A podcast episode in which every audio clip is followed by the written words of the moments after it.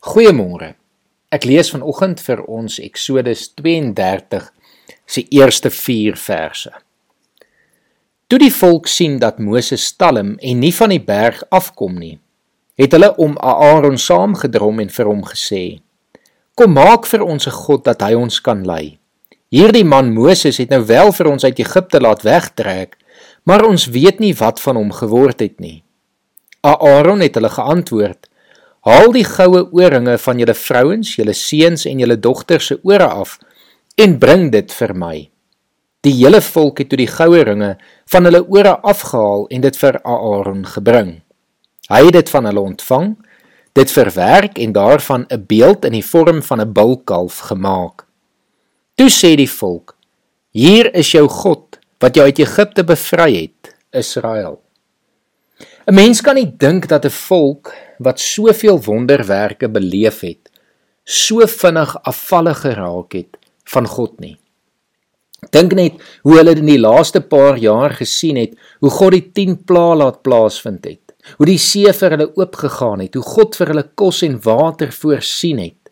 En dan net in 'n paar weke beweeg hulle van God vreesaanjaend dien na die maak van 'n afgod. Hoe het dit gebeur? Wonder 'n mens. Daar is natuurlik 'n hele paar faktore wat ons kan uitlig, soos die tekort aan leierskap of geduld. Maar een ding wat ek vanoggend wil uitlig, wat ons nie moet miskyk nie, is die volk se juwele, veral goud. God het hulle beveel om voor hulle uit Egipte weg is, juwele van hulle Egiptiese eienaars te eis.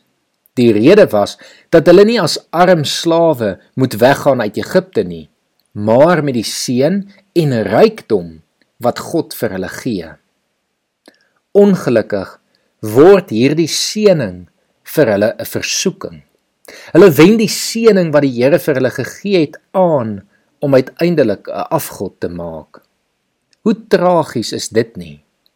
Maar Ons moet nie vandag hoogmoedig wees en dink dit kan nie met ons gebeur nie. Die Here seën jou hierdie jaar met baie dinge, maar net jy kan besluit hoe jy dit gaan aanwend. Gaan jy dit tot sy eer gebruik of gaan jy daarmee afgode maak?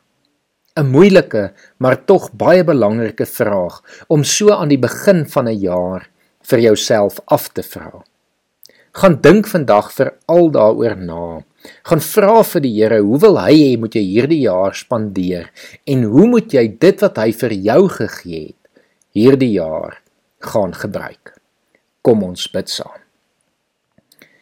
Here, ons dankie vanoggend vir alles wat U vir ons gee en doen, Here. Ons het laasweek 'n hele week spandeer in dankbaarheid.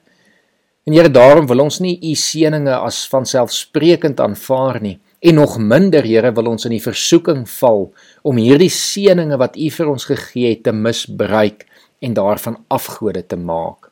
Here, daarom kom bid ons vanoggend en vra dat U ons sal help, Here, om dit wat U vir ons gegee het met rentmeesterskap te gebruik en aan te wend sodat ons U sal eer en verheerlik en U sal bly dien, Here.